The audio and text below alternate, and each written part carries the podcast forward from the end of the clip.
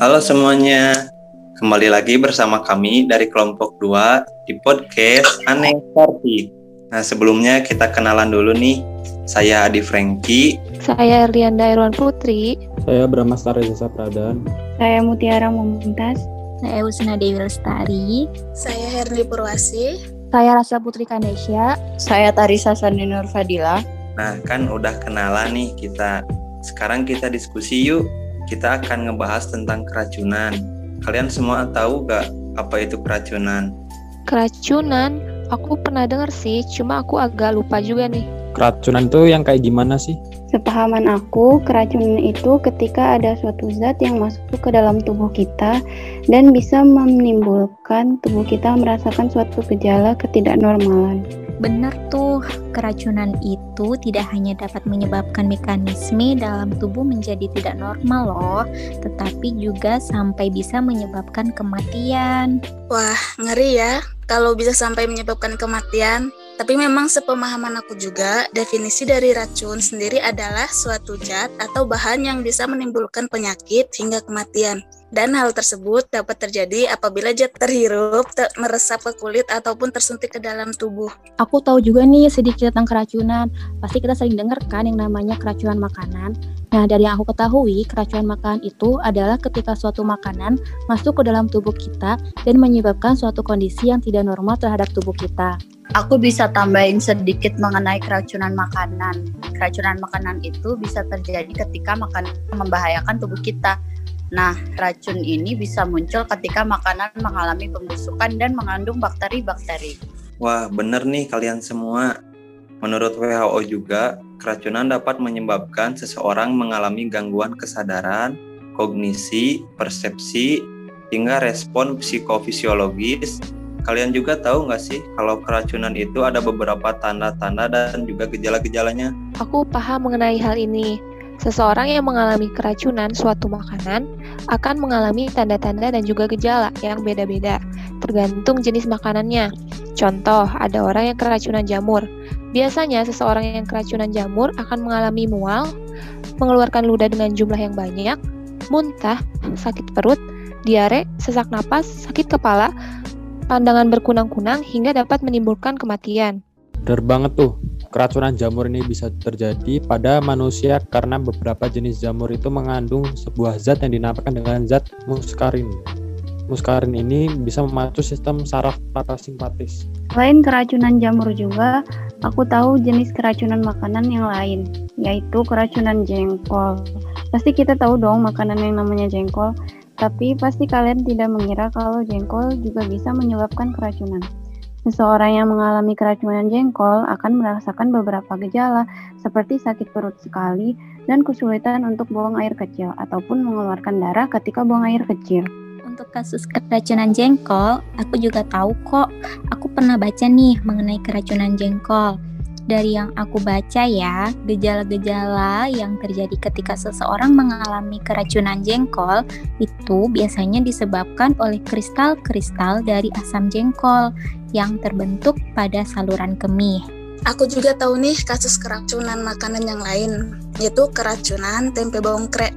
Ketika seseorang mengalami keracunan tempe bongkrek, maka orang tersebut akan merasakan gejala yang bervariasi seperti mual, muntah, sakit perut, kejang, bahkan hingga dapat menyebabkan seseorang tersebut meninggal. Tempe bongkrek yang mengandung racun akan terbentuk asam bongkrek yang sangat toksis terhadap enzim yang berperan dalam penggunaan energi sel dan menghambat fosforilasi. Ini kasus keracunan makanan yaitu keracunan singkong, biji kacang poro dan umbi-umbian tertentu. Seseorang bisa mengalami keracunan dari mengonsumsi makanan tersebut dikarenakan terdapat zat cyanida di dalamnya. Namun, kadar zat cyanida yang terkandung sangat bervariasi, sehingga seseorang tidak selalu mengalami keracunan ketika mengonsumsi makanan tersebut.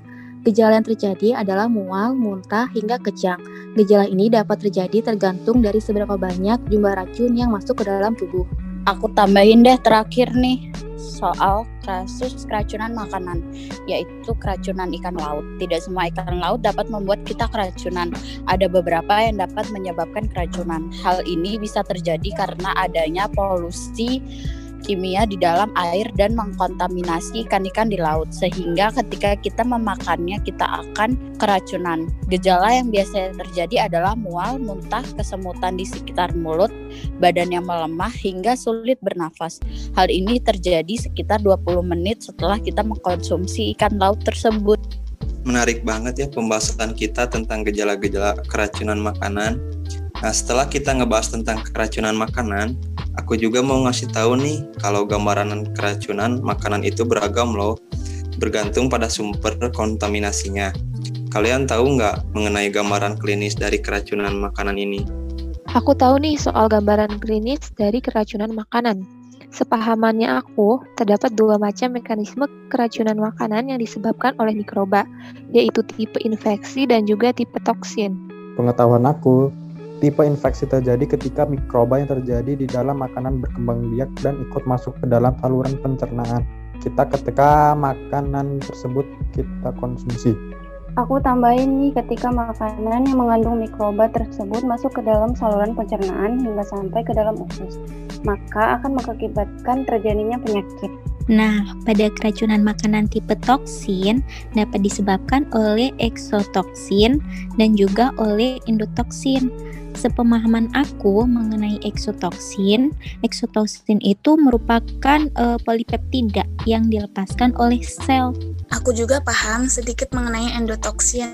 Dari yang pernah aku baca nih soal endotoksin, endotoksin itu merupakan lipopolisakatida di mana bentuk ini bersatu dengan dinding sel. Endotoksin juga hanya timbul pada mikroorganisme gram negatif dengan bentuk batang dan kokus. Endotoksin juga dapat menyebabkan demam, shock, dan juga gejala umum. Sepengetahuan aku juga mengenai endotoksin dan juga eksotoksin adalah keduanya ini dapat menyebabkan gejala-gejala yang spesifik. Mekanisme terjadinya keracunan makanan yang mengandung toksin ini masuk ke dalam saluran pencernaan hingga mencapai usus. Nah, kan pembahasan mengenai gambaran klinis dari keracunan makanan udah kita bahas. Kita jadi tahu ada dua tipe, yaitu tipe infeksi dan juga tipe toksin. Sekarang kalian tahu nggak kalau untuk pengkajian pasien yang mengalami keracunan makanan seperti apa? Aku pernah dengar sih mengenai pengkajian pasien yang mengalami keracunan makanan. Jadi ada seorang pasien laki-laki, umurnya 37 tahun. Dia memiliki diagnosa medis yaitu keracunan makanan pasien mengalami keluhan utama seperti penurunan kesadaran atau somnolen, sesak nafas, dan juga muntah. Oh, aku juga dengar itu kemarin pada pasien tersebut dilakukan survei primer dan hasil yang didapatkan adalah frekuensi denyut nadinya 67 kpm. Tekanan darahnya 100 per 60 mmHg, suhu tubuhnya 36,3 derajat Celcius, kapilari refill kurang dari 2 detik, serta EKG menunjukkan sinus bradikardia. Dilakukan juga survei sekunder. Hasil yang didapatkan adalah pasien mengeluh sesak napas dan juga mengalami muntah-muntah 4 jam yang lalu setelah pasien memakan seafood. Biasanya pasien minum obat yang diberikan oleh dokter ketika pasien mengalami sesak nafas. Informasi juga didapatkan dari pihak keluarga pasien. Keluarga dari pasien juga mengatakan bahwa pasien terakhir mengkonsumsi makanan seafood pada jam 10 lewat 20 waktu Indonesia Barat. Selain itu juga, pihak keluarga pasien mengatakan bahwa pasien memiliki riwayat penyakit mah dan juga pasien memiliki alergi terhadap obat. Pasien sering mengalami sesak napas ketika pasien muntah. Dilakukan juga pemeriksaan fisik pada pasien yang meliputi pemeriksaan pada kepala, mata, telinga, hidung, wajah, mulut, leher, dada, abdomen, ekstremitas, dan juga genitalia. Pasien juga diperiksa tanda-tanda vitalnya dan hasil yang didapatkan adalah tanda vital dari pasien normal. Dilakukan juga pemeriksaan penunjang kepada pasien. Pemeriksaan EKG yang dilakukan menunjukkan adanya sinus bradikardia. Setelah itu dilakukan diagnosa keperawatan yang terdiri dari tiga hal, yaitu pola nafas tidak efektif, defisit nutrisi, dan intoleransi aktivitas.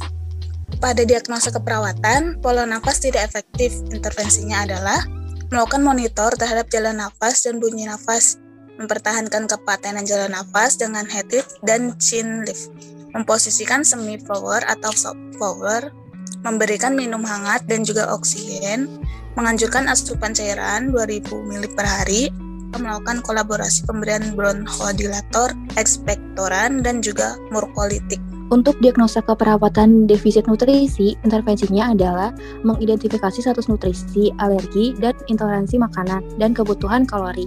Lalu dilakukan juga monitor terhadap asupan makanan, memberikan makanan tinggi serat, kalori, dan juga protein, memberikan suplemen makanan, mengajurkan posisi duduk jika mampu, melakukan kolaborasi pemberian medikasi sebelum makan, dan kolaborasi dengan ahli gizi untuk menentukan jumlah kalori dan jenis nutrien yang dibutuhkan. Diagnosa keperawatan yang terakhir yaitu intoleransi aktivitas. Intervensinya adalah melakukan identifikasi gangguan fungsi tubuh, melakukan monitor kelelahan fisik dan emosional, monitor lokasi dan ketidaknyamanan selama melakukan aktivitas, menyediakan lingkungan yang nyaman dan rendah stimulus, melakukan latihan mengenai gerakan pasif ataupun aktif, memberikan aktivitas distraksi yang menenangkan, menganjurkan tira baring dan melakukan aktivitas secara bertahap, serta melakukan kolaborasi dengan ahli gizi mengenai cara meningkatkan asupan makanan. Wah, menarik ya pembahasan kita pada hari ini mengenai keracunan makanan. Kita udah bahas mulai dari definisi, gambaran klinis, hingga penata laksanaan pada pasien yang mengalami keracunan makanan. Nah, sampailah kita pada penghujung podcast. Aku berharap podcast ini dapat memberikan manfaat dan ilmu bagi yang mendengarkan. Akhir kata, saya Adi Franky. Saya Lianda Irwan Putri. Saya Bramasta Reza Sapradan. Saya Mutiara Mumtaz. Saya Usnadi Lestari. Saya Herni Purwasi. Saya Rasa Putri Kanesya. Dan saya Tarisa Sani Nur Fadila. Terima kasih telah mendengarkan podcast ini dan sampai jumpa.